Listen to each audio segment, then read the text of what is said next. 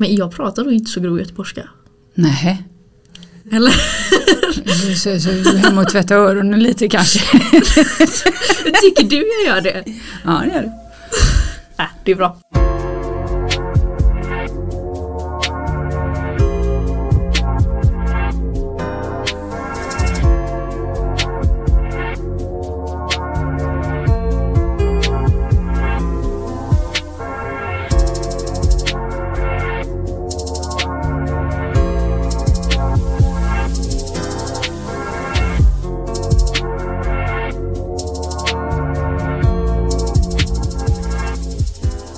Har veckan varit?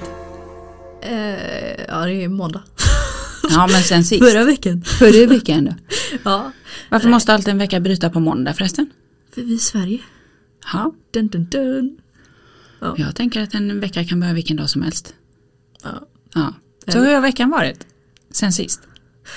Äh, bra. Fartfylld kan man säga. Fartfylld? Ja. Men kul. Mm. Bra. Jag var glad. Mm. Härligt. Hur har den varit för dig? Eh, ungefär samma. Eh, fartfylld, eh, mycket kul på gång. Ehm, vi, vi tänkte ju lite så, eller rent sagt du tänkte lite, var lite nyfiken på att vi skulle prata lite om ehm, samhällsnormer. Mm. Ehm, och då blir jag ju nyfiken. Ja. Vad, vad, vad tänker du när du säger samhällsnormer och vad var det som eh, hos dig i ditt liv just nu som gjorde att det var liksom ett intressant ämne att prata om? Mm. Nej men jag tänker att det är så himla brett. Och att ibland är vi inte så medvetna om att eh, det finns samhällsnormer. Eller så här, vi bara lever vårt liv alltså här, eh, i ekorrhjulet typ och kör på och sen eh, Alltså att det finns mycket som påverkar oss. Mm. Fast vi inte tänker på det kanske. För att vi är så inne i ja, att det bara ska flyta på eller vad man säger. Mm. Stanna inte upp och fundera så mycket. Så vad tänker du när du säger samhällsnorm? Liksom, vad, vad innehåller det eller vad betyder det för dig? Liksom?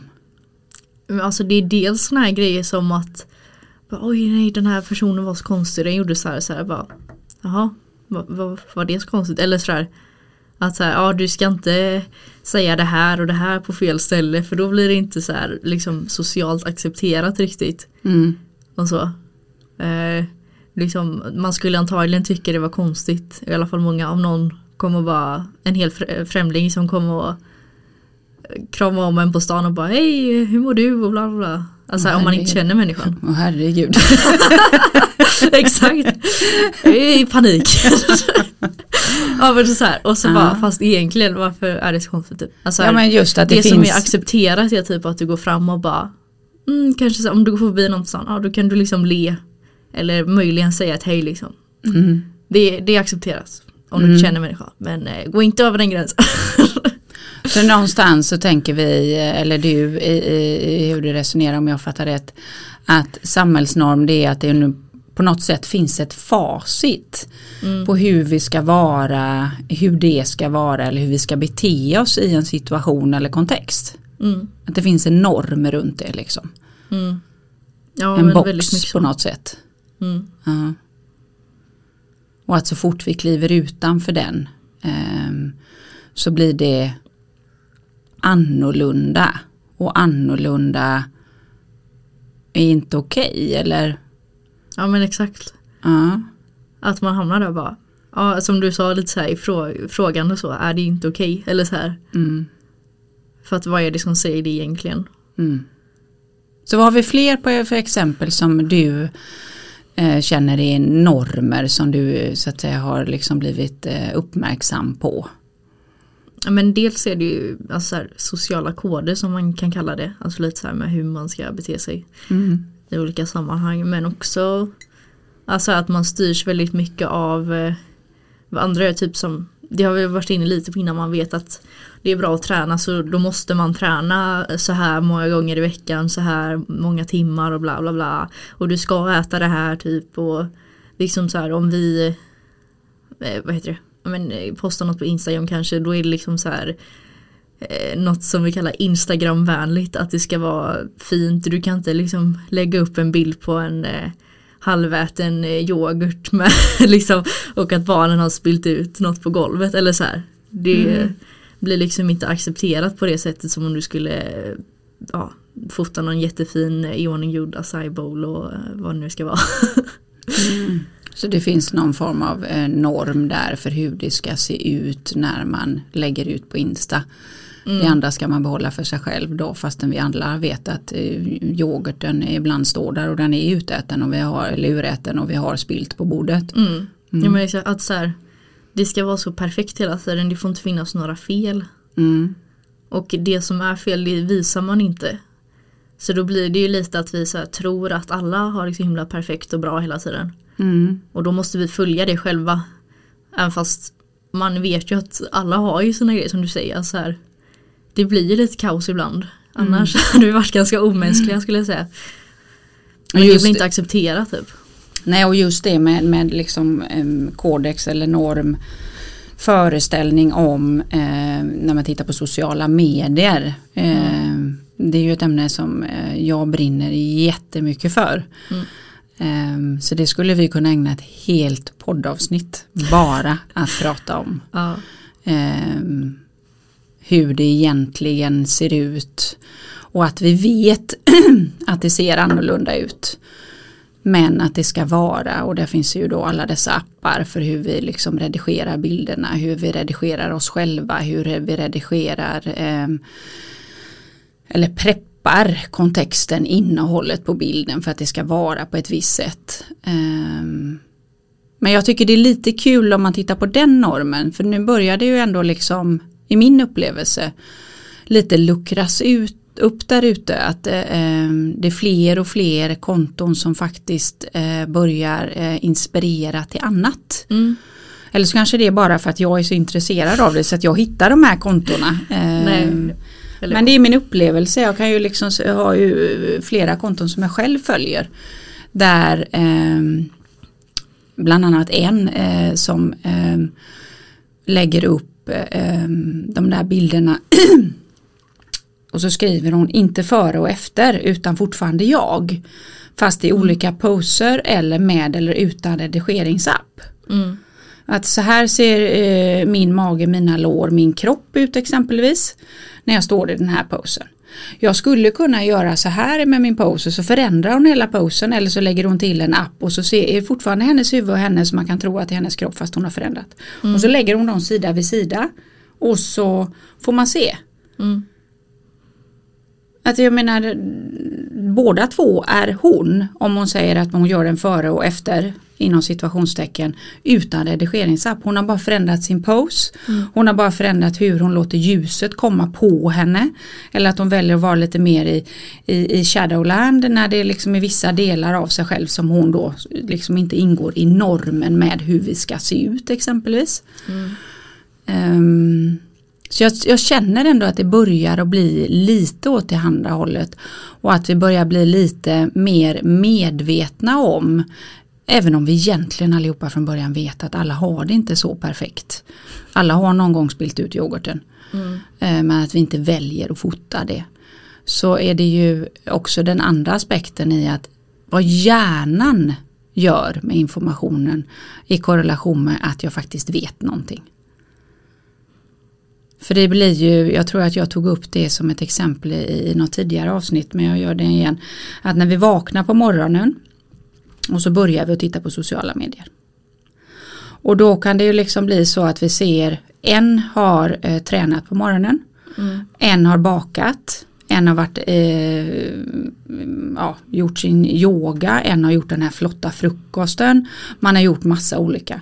Men vad din hjärna tar in i det läget är att det här är samma person. Mm. Hjärnan skiljer inte på att det är fem olika. Utan då är det liksom, då får jag en kravställning på mig. Medveten eller omedveten.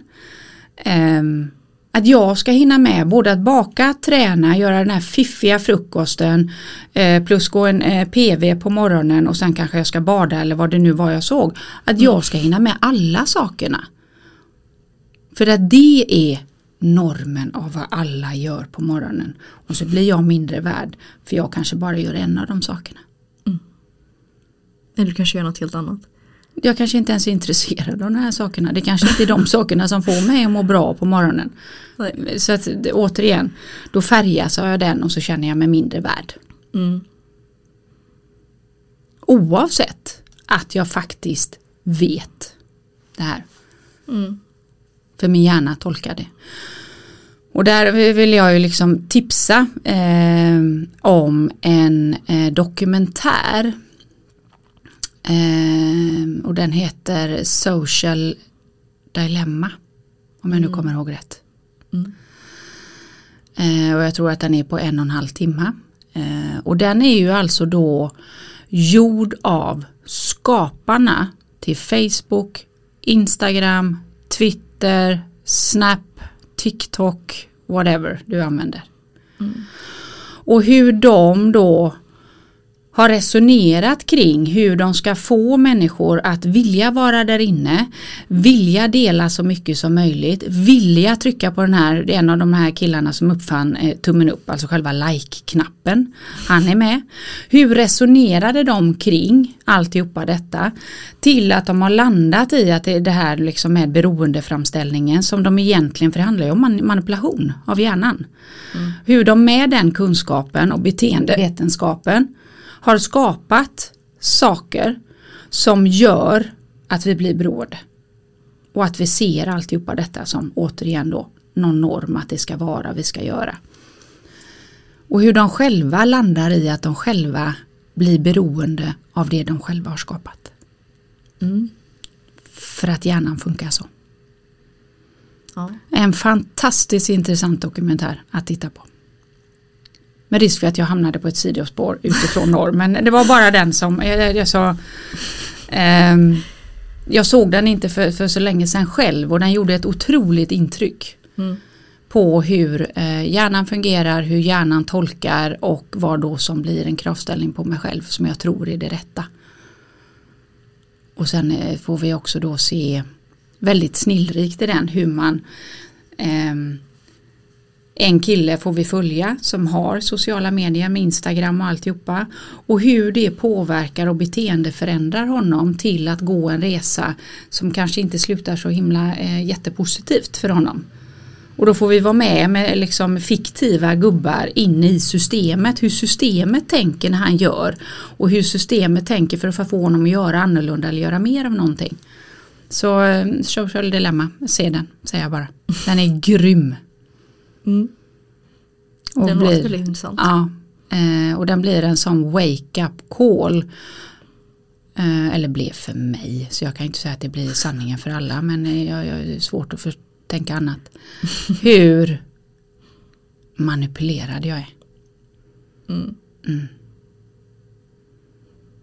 Att göra någonting som eh, kan vi också säga är någon form av norm i samhället. Det där med att alltid vara tillgängliga, alltid ha mobilen, alltid ha datorn och att det är normen av att eh, för många vara lyckad, Mm.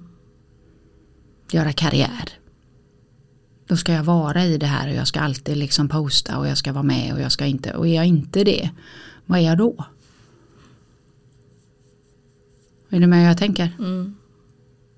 Vad tänker du när jag säger alltihopa det? Nu känner jag som att jag har suttit här och haft en monolog. jag brinner igång för ämnet helt enkelt. Ja nej men ja, för första, den där kommentaren verkar väldigt intressant och jag tror det kan vara bra just för det jag var inne på innan att man inte är medveten om alltså hur samhällsnormer och ja, sociala medier och sådär in, påverkar oss. Så att det kan vara ett bra wake up call som du säger. Och ja men alltså ja, tänka efter mer. Vad som faktiskt finns runt om en och som påverkar och sådär. Mm. Och att det är väldigt olika. Eller så här. Det skiljer också på beroende på vart i världen man bor kanske. Och så där. Men sen har jag tänkt mycket på att det med du sa att vara uppkopplad hela tiden, man ska vara tillgänglig. Jag försöker liksom tänka lite så här att ja, men så här, om jag ska få tag i någon eh, som ja men typ vi säger Skatteverket eller eh, någon annan som är alltså mer något för att de, de gör sitt jobb eller så. så bara, ja men eh, eh, alltså så här, försöka undvika typ att höra av mig klockan eh, typ 10 en lördagkväll. Eller men du vet så här. Mm. Att så här, jag försöker tänka så här, ja, men deras så här, arbetstid är ju kanske mellan, vi säger 9 till 5 vardagar. Mm. Försöker jag kontakta dem då för att jag vet att det blir en stress annars. Alltså så här och att man bara, "Ah, jag måste svara nu och sådär. Sen kanske de väljer att svara på det liksom klocka, på kvällen och så här men eh, det är ju upp till dem i så fall. Du har i alla fall inte skickat det på kvällen så Nej, att du har försökt att förmedla att din kravställning är inte det, att din förväntan är inte det i alla fall. Nej. Och sen även om jag skickar på kvällen då tänker jag så här, ja då svarar väl de under deras arbetstid eller så här. Mm. Eh, sen kanske det inte tas emot så, men att man försöker tänka på det mer. Alltså här, både kanske för en själv att säga, ja men jag svarar mellan klockan 9 och 5 säger vi, eller vad man nu har för tider som man förhåller sig till. Eller att ja, jag kan tänka på att försöka skicka det här smset eller mejlet vid den tiden. Mm. Den är ganska intressant för precis det samtalet hade jag eh, med en annan kund till mig. Eh, Där eh, den upplevda stressen var också då eh, mailkorgen. Att när jag får ett mail så fanns det en, en, en, liksom en, en upplevd eh, egen förväntan, kravställning på att då ska jag svara så fort som möjligt. Och när jag då lyfter perspektivet och så tänker jag säga så här att ja men tror du att den som skickade det till dig förväntar sig att du ska svara med en gång? Mm. Ja men det är klart. Ja, eller kan det vara så att den som skickade mejlet faktiskt bara ville ha bort det från sitt bord? Mm. Och just nu håller på med en mängd andra saker. Så de har ändå inte tid att läsa ditt svar. Mm. Mm. För det är också en där som ligger i alltså dagens ämne norm. Vi tror någonting att normen här är att vi alltid ska svara. Men så börjar jag steppa upp för det som jag, precis som du säger, som jag skulle vilja ha mer av. Att jag själv går i bräschen på det som kanske inte är den upplevda normen eller som upplevs annorlunda. Att jag börjar att göra det. Mm. För det är egentligen så vi alla behöver på det som vi upplever liksom kanske är en och då får man ju tänka de normer som vi faktiskt upplever och ser. Sen är det ju många, precis som du började där, det är många som vi inte ens är medvetna om. Men de vi i alla fall är medvetna om att vi kan börja förändra själva genom att gå i bräschen för att göra så som vi vill själva ha det. Mm. Och det är inte alltid helt lätt. Nej. För vad händer med mottagaren, vad händer med de andra, vad händer med min känsla?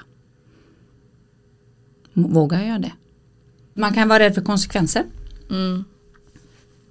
Jo men verkligen så. Mm. Men sen är det också, alltså, som jag tänker ju så själv, jag bara men eh, ja, om någon skriver, ett, om jag får ett mail från någon klockan tio på kvällen tänker jag, ja, de förväntar sig inte att jag ska svara nu ändå typ.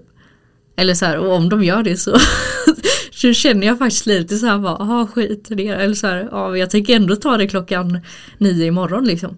Mm. För att jag har inte lust att ta det nu. För att jag vill sitta där, alltså om det är beroende lite på vad det är då. Men jag kanske så här klockan tio på kvällen då kanske jag känner att jag vill varva ner och så här. Då vill inte jag tänka på hur jag ska svara bra på det här mejlet. Typ, Mm. och vad det handlar om. Utan då kanske jag behöver tänka lite mer och så här kring vad jag ska svara och ja, om det är någon planera in någon tid eller vad det nu är. Mm. Så sådana grejer. Så då är det så här.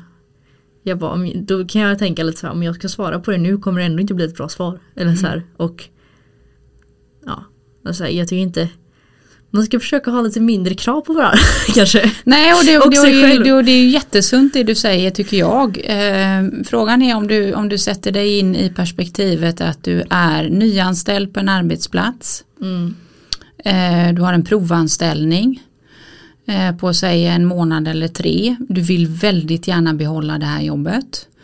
Och så får du en, ett mail från en kollega, en chef, där vi är någonstans åtta på kvällen. mm. Då hade jag ju antagligen inte vågat det. Då hade du kanske inte, för det är återigen det här, vad, Ja. vad är det för norm jag tror eh, eller kravställning, förväntan finns i den situationen.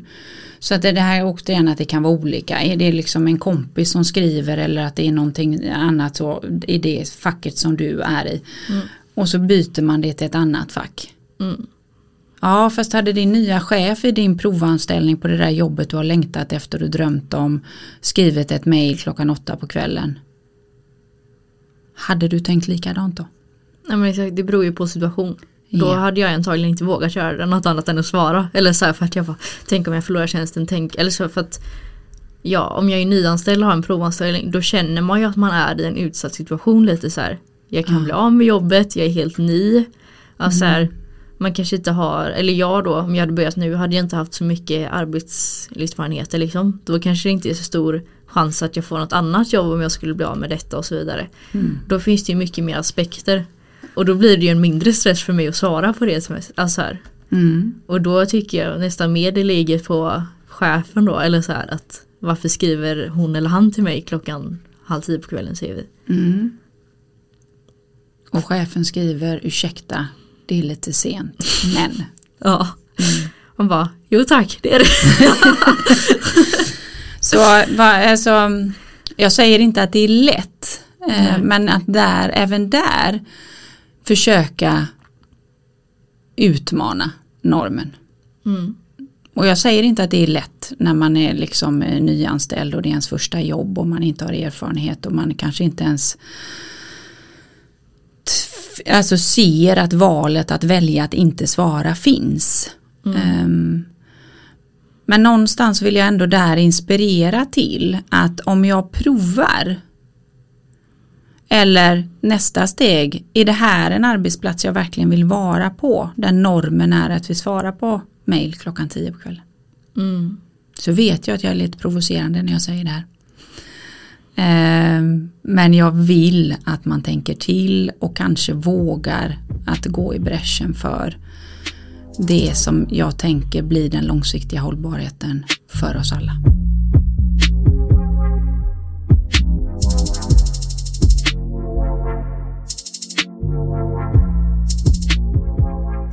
Jag försöker tänka på en så här kompromiss. Nej, men just i det fallet vad säger vi? Man är nyanställd och får ett sms och så sent på kvällen.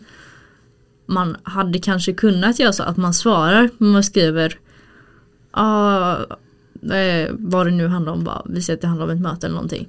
Bara, ah, jag kan fundera på det, ah, jag funderar lite på det, jag har lite mycket nu efter jobbet typ. Mm. Bara kan jag återkomma imorgon bitti? Mm. Så att, för det kan bli en liten tankeställare tänker jag hos chefen. Mm. Man kanske gör andra saker än att jobba 24-7. Finns det? Ja, eller hur? Om jag är nyanställd och provanställd. Nej, Det- det så jag bara- göra det. Nej men det, alltså, jag vill utmana den för att det är så Jag säger inte att jag hade vågat göra det själv för nej, övrigt. nej och jag säger inte att man liksom att jag förstår ju känslan. Eh, nu sitter jag ju här och eh, har lite liksom olika arbetsplatser och eh, egna lärda erfarenheter där jag själv har suttit i samma sits och där jag svarade. Eh, Men att jag med ett perspektiv och idag eh, en annan kunskap om hur det gör, vad det gör med oss. Den här normen av att alltid vara tillgänglig. Ehm, vad skulle hända om man i det läget faktiskt när jag går från kontoret så öppnar jag inte mailboxen för nästa morgon. Mm. Utan att jag har jag väl gått ifrån jobbet, sen kan vi i perioder jobba fler eller färre timmar för att, eh, och det behöver man inte eh, säga varken eh, rätt eller fel om beroende på situation. Men att konstant jobba och konstant vara tillgänglig. Så att om jag då istället för att då inte ens behöva möta det där mejlet klockan åtta på kvällen, tio på kvällen. När jag lämnade kontoret, om jag lämnade fem eller sex eller vad jag nu går. Ja, där stänger jag min mailbox. Mm. Jag ser inga notiser. Förrän jag går till jobbet nästa morgon. Åtta, nio, sju när jag nu börjar. Men det har jag också tänkt på. Att så, här, så var det ju mer förr tror jag. Eller förr. Förut, alltså det var inte så länge sedan Du liksom. menar på min tid på Ja, stenåldern? exakt. det var jag hörde hur det lät. Jag var, det var kanske så här tio år sedan eller något. Nej men alltså det var inte länge sedan. Så det var så att så här, ja, du gick till jobbet. då jobbade du, sen gick du hem, då var det inget mer. Liksom så här. Mm. Beroende på yrke säkert. Ja men exakt. Och så, vissa har säkert fortfarande så men det känns som väldigt många har det här att du har jobbmailen på din dator som du har hemma eller du har alltid samma dator hela dagen typ. Eller telefonen. Eller telefonen. Så det är med dig hela tiden. Du kan inte riktigt lämna det på samma sätt. Mm. Och det är så här, ja, då blir det ju mer den här pressen att man ska vara tillgänglig hela tiden. Mm. Och ska jag vara högst personlig och väldigt rak så tror jag inte på den. Nej. Och det är ju lite det eh, som jag vill gå i bräschen för att ju fler vi blir som börjar ta ställning till någonting annat desto mer ringa på vattnet sprider vi för att måla om den normen om att vi alltid ska vara tillgängliga. Mm. Och då säger jag kanske inte att det är just den som sitter på sitt nya jobb, provanställning och skakar tänder för att man ska förlora jobbet. Att det kanske är den som måste börja men vi är ju många andra som kan börja och gå i bräschen för det. Eh, Jag skulle säga att så länge vi är medvetna om att det är ett medvetet val.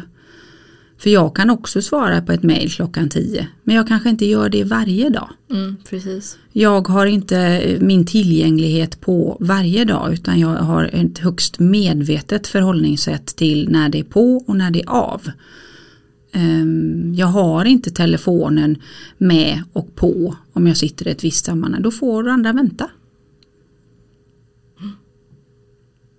Normen av att vi måste svara på ett sms, vi sitter på en fika, telefonen ligger på bordet. Jag ska bara svara på det här. Mm. Eller kan jag lägga telefonen i väskan och eh, ursäkta min franska bara skita i att svara och vara här och nu och umgås med det jag faktiskt har valt att göra. Mm. Är, jag tänker att, för att själv gör jag typ aldrig så att jag tar upp telefonen om jag sitter och pratar med någon så här. För att det känns otrevligt eller så här lite respektlöst typ. Mm. Eh, så att då kan man ju försöka vända på det så kanske. Mm. För att den personen som smsar eller vad det är. Alltså för det första kanske de inte förväntar sig att du ska svara direkt. Och för det andra så vet ju inte de vad du gör. Nej och jag har där valt liksom personligen ha eh, en annan del att jag ehm, Det finns några sms som jag alltid tittar på. Eh, och utifrån hur mitt liv ser ut och så, så är det mina barn. Mm. De kan alltid nå mig 24-7. Men ingen annan. det är bara dem. Mm. Så att det, som skriver de sena sms eller skriver de sena saker, ja men då är jag där. Mm. Men de andra väljer jag högst medvetet. Har jag stängt av så har jag stängt av. Mm. Då får de vänta. Och det hade jag också en diskussion med, med en annan kund. Eh, att hon började ifråga sin vän, ifrågasätta sin vänskap med någon för att eh, den personen hade börjat att välja att kanske inte svara med en gång utan det kanske tog en dag innan hon svarade. Aha. Är vi bästa vänner då är jag prioriterad i hennes liv. Kan ju vara lite både och egentligen. Absolut. Ja. Och är det bästa att göra då? Fråga. Ja! Ställ frågan. Ja. För det är också en sån här norm att då helt plötsligt så är jag inte liksom en gång där så jag är inte prioriterad. Mm. Men det behöver ju inte vara så. För du kanske inte har gjort det som jag har gjort. Att jag, alltså mina barn är alltid 100% prioriterade. Men det behöver inte innebära för mig att de andra är lägre i prioritet. Nej. Men jag håller på med någonting just nu när jag vill ha mitt 100% fokus. Mm. Och det innebär ju inte att jag tycker mindre om dem eller att de är lägre prioriterade på något sätt. Nej. Men känslan från den som sänder kan ju bli det. Mm. Och då kanske det är viktigt att jag är tydlig med att så här gör jag nu.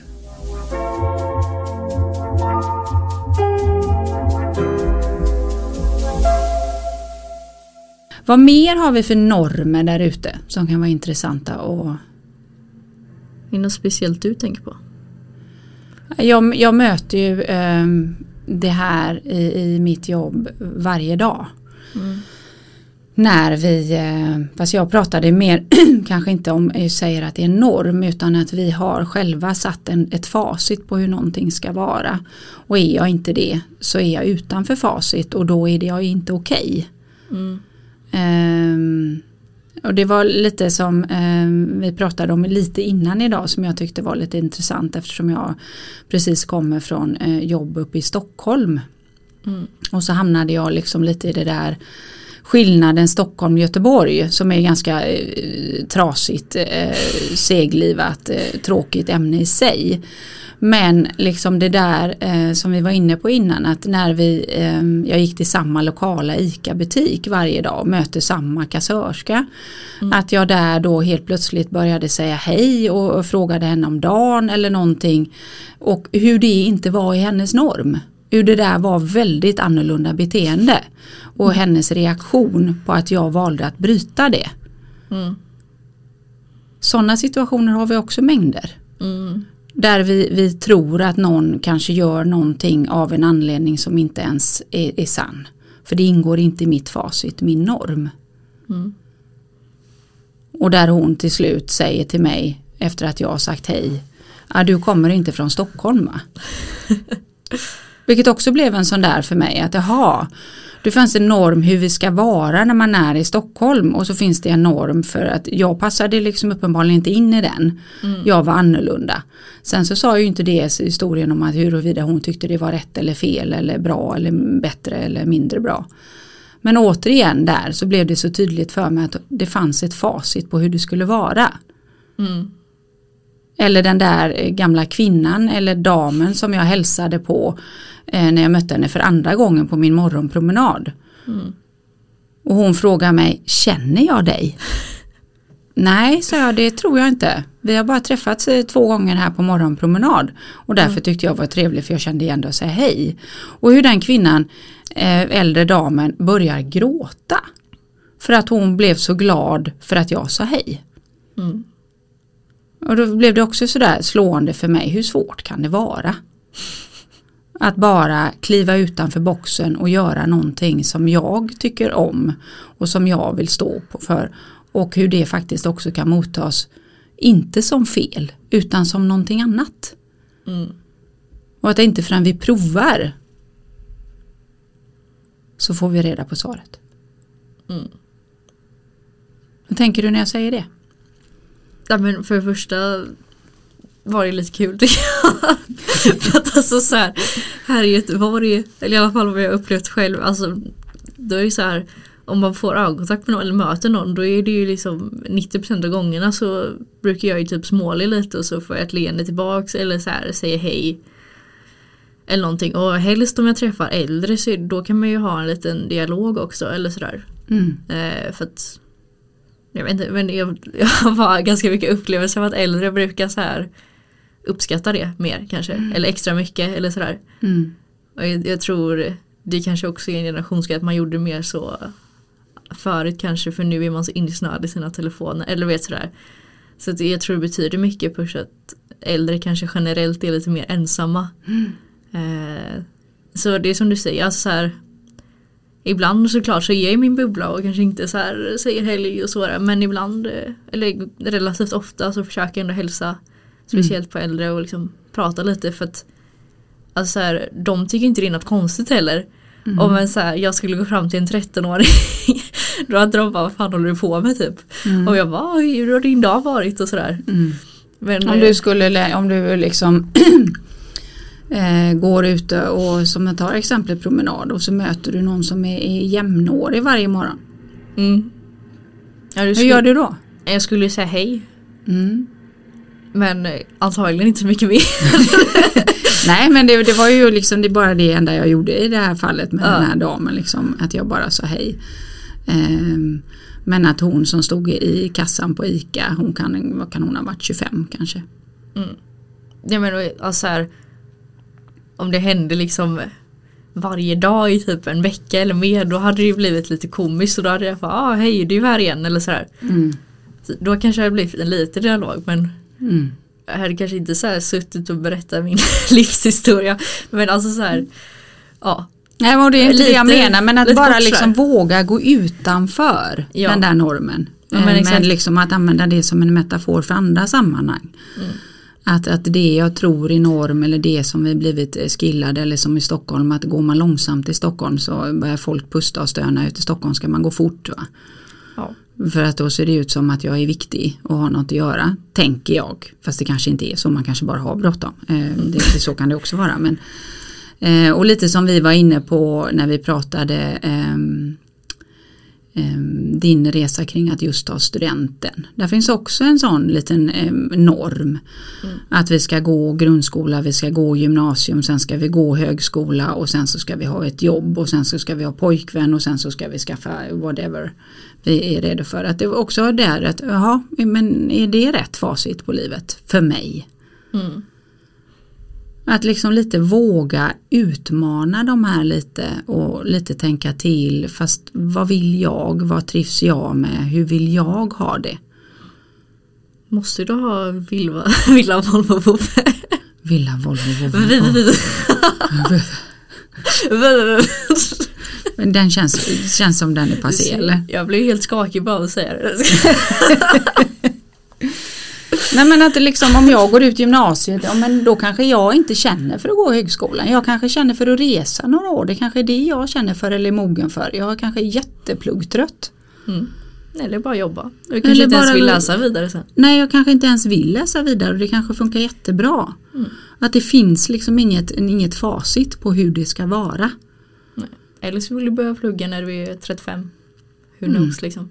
Ja eller så lite som jag vill inspirera i, i min resa. Jag menar jag har ju byggt yrke och inriktning jättemånga gånger. Mm.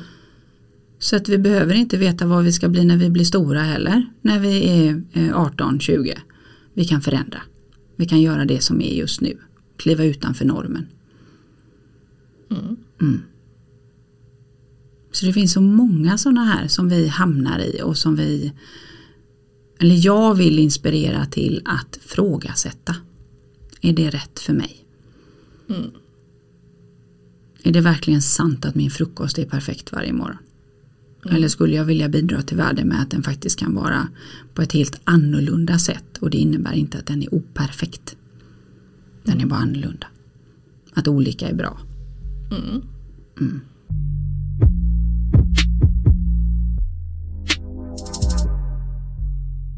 En liten side-note bara. Mm. Alltså äldre människor är väldigt trevliga att prata med. Ja, Ja. kan säkert, ja, kan säkert flera lyssnare säga och flera lyssnare som har en annan erfarenhet kommer kanske säga något annorlunda. Ja i och för sig. Det kan bero på. Mm. Jag tycker också det är jätteinspirerande. Vissa- Medan andra inte tycker det. Ja. Alla blir ju faktiskt inte så himla glada heller om man säger hej. De bara, alltså även om de är äldre nu då som jag sa. Att de blir så alltid glada. De blir bara, hopp, vad vill du? det har hänt mig. Och det har hänt att de tar emot det väldigt bra också. Flest gånger att de blir glada då men eh, Beroende på vad de har i sin ryggsäck i upplevelsen. Ja. Mm. Och vad de är på för humör kanske. Det är typ som ibland så kan man eller jag känner att jag inte vill prata med någon alls och ibland så kan jag stå där och köta ett tag. Mm. Eller som ett annat exempel eh, en kvinna som eh, kanske har en erfarenhet av en obehaglig situation i ett möte med någon de inte känner. Mm. Så att när någon tittar på honom eller henne så repeterar sig den situationen så att det skapar en rädsla. Så att då tror jag det att det är ett hot istället att någon hälsar på mig. Mm. Så kan det också vara. Mm. Nej, jag har ju så olika erfarenheter. Mm. Och det gör ju också att det blir väldigt svårt och konstigt att leva efter en norm. Mm. Att alla ska vara samma. När vi är så himla olika. Mm. Och i, alltså den här normen av att vi ska bli någonting, normen av att vi ska göra karriär. Vad är karriär för mig? Visar på att det är ett ganska aktuellt ämne för mig. Normen hur vi ska vara i olika branscher om vi kommer ut och eh, söker jobb. Är det okej att eh, gilla det eh, mjuka, genuina, natur eh, när jag är i en bransch som är ganska ytlig? Mm. Eller kan det faktiskt addera en dimension till som den branschen skulle må bra av? Eller i skolan, i klassen. Då ska man vara på ett visst sätt. Vi ska ha eh, samma kläder. Alla köper en eh, typ av skor eller typ av hoodie. Har jag inte den så är jag ju inte med i det som är normen, reglerna här. Mm. Är det sant? Är du med? Mm. Så normer finns ju i precis allt. Så om man, man då liksom skulle, vad, vad vill vi skicka med härifrån? Vad skulle vi vilja liksom eh, bidra med våra erfarenheter och vårat tänk och situationer till de som lyssnar? Eh, alltså det jag tänker på mest är så här bli lite mer uppmärksam eh, på alltså här, hur du lever eller vad man säger om du styrs mycket av normer och sådär. Mm. Om du kanske gör det mer än vad du tror eller så. Hur vet man det? Ja men exakt, det är Hur vet, hur vet man om man styrs mycket av normer? Ja men till exempel, vi säger då med om det kommer eh, ett eh, mail eller sms och du bara, "Ah, jag måste svara på det nu. Om så här, vill du svara på det nu eller så här, hade du egentligen velat vänta? Känner du att det är en press som gör att du måste det? Så här, Mm. tänk efter lite mer Mm. och så här, försöka ha med sig det. Ja, alltså inte bara i den situationen utan rent allmänt. Mm. Och att så här, kanske våga gå utanför det där lite att ja, du kan faktiskt ge ett lite gla- gladare hej ibland. Alltså du behöver inte bara gå och titta i din telefon och försöka undvika ögonkontakt. Mm. Eller så, inte vara så himla rädd för allting. Mm. Gör det som är, känns bäst för dig, Mm tänker du. Nej, alltså, alltså- det, det är ju um, Jag landar alltid när man kommer till de här grejerna uh, att jag vill inspirera till att reflektera. För vi är så mycket i görandet. Mm. Alltså, då, då springer vi de här kugghjulen och då tror vi att alltihopa är det här någonting som jag vill. Vi tror att alltihopa är det här någonting som jag ska eh, eller jag måste gå den här vägen för att det är den enda vägen. Eh, men när vi ger oss en liten, liten stund ibland och ifrågasätta våra tankar. Det är egentligen det som är navet. Eh, och att då gärna också ifrågasätta eh, tillsammans med någon. Så man får andra perspektiv. För det som är din upplevda norm, eh, förväntan, kravställning är kanske inte den andra perso- personen som du då om du väljer att prata om det med någon så får man ett annat perspektiv. Som kan bli en liten wake-up call. Nej men herregud, det har jag inte tänkt på. Mm. Så kan man ju också se det. Vad tänker du när jag säger så? Vad ska jag säga? Det låter bra. Jag fick en tankeställare själv typ. Jag såg jag- såg bara liksom hur det, hände, hur det hände någonting i dig. Så jag bara liksom bara kände att jag, vad, vad tänkte du nu Milla? Ja, jag har inte fått det klart än. Nej. Men jag tänker att det ligger mycket i det. Mm, Att så här, men se det från någon annans perspektiv också. mm. Och jag säger inte att det alltid är lätt. Nej. Men att börja träna på att ifrågasätta alla de där sakerna. Som jag säger till mig själv och som är eh, väldigt ofta tagna ur en norm, fack, box om hur saker ska vara. Mm. För det är väldigt få saker som ska vara på ett sätt. Vi är individer, ditt sätt är inte mitt sätt. Jag kan inspireras av ditt sätt. Men sen behöver jag ändå liksom, precis som vilken lera som helst, jag behöver modellera om den så att den blir min. Mm. Så om vi skulle summera det här Mm. med normer. Jag gillar ju det där med liksom att avrunda med liksom tips. Mm. Vad skulle vara dina tips? Men lite det jag var inne på innan. Alltså här, se vad som funkar bäst för dig själv. Mm. Och försöka bli mer uppmärksam på alltså hur du lever och varför du lever som du gör kanske. Mm. Och ja, men som du sa också nu då att man ska Alltså tänka omforma den där leran. Nej, men alltså så, här, så att det passar en själv. Du kan hitta inspiration från andra och sådär men sen ska det bli ditt egna liksom. Mm. Som passar dig. Mm. Lite för, nu blir det mina ord igen här, men att ibland så tror vi att för att vara i den här kontexten så eh, Ja, för att göra det enkelt i en metafor ska man säga så här. När jag är i den här kontexten så ska alla ha röd kavaj. Men om jag väljer att gå in i den här kontexten med min kavaj och så är den lila, vad händer då? Mm. Mm. Att bara liksom behöva börja och utforska vad är min modell? Vad mår jag bra? Och vara lite nyfiken på den.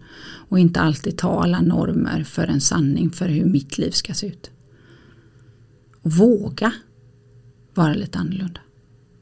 Så behöver man inte börja med de stora grejerna. Man kan börja med någon liten grej bara för att testa. Mm. Du behöver inte gå fram och krama en främling och bara hej hur mår du? Du kan börja med att säga hej. Du kan, du kan börja med bara liksom, ha Ett ögonkon- ögonkontakt och ett leende. Du behöver inte ens säga någonting.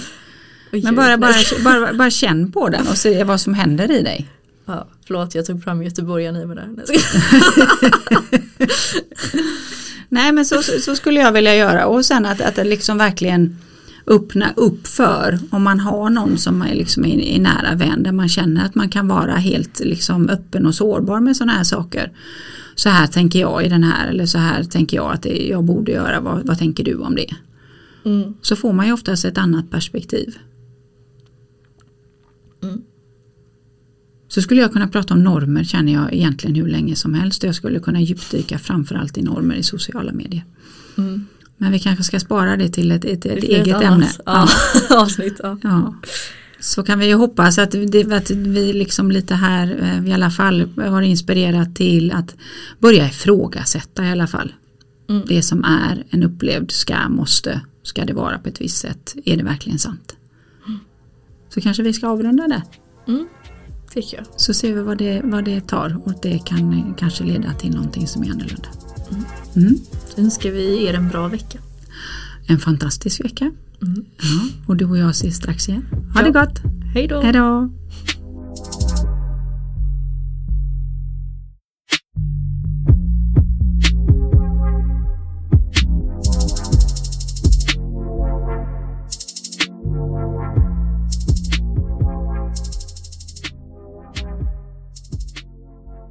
En poddproduktion av Fredag.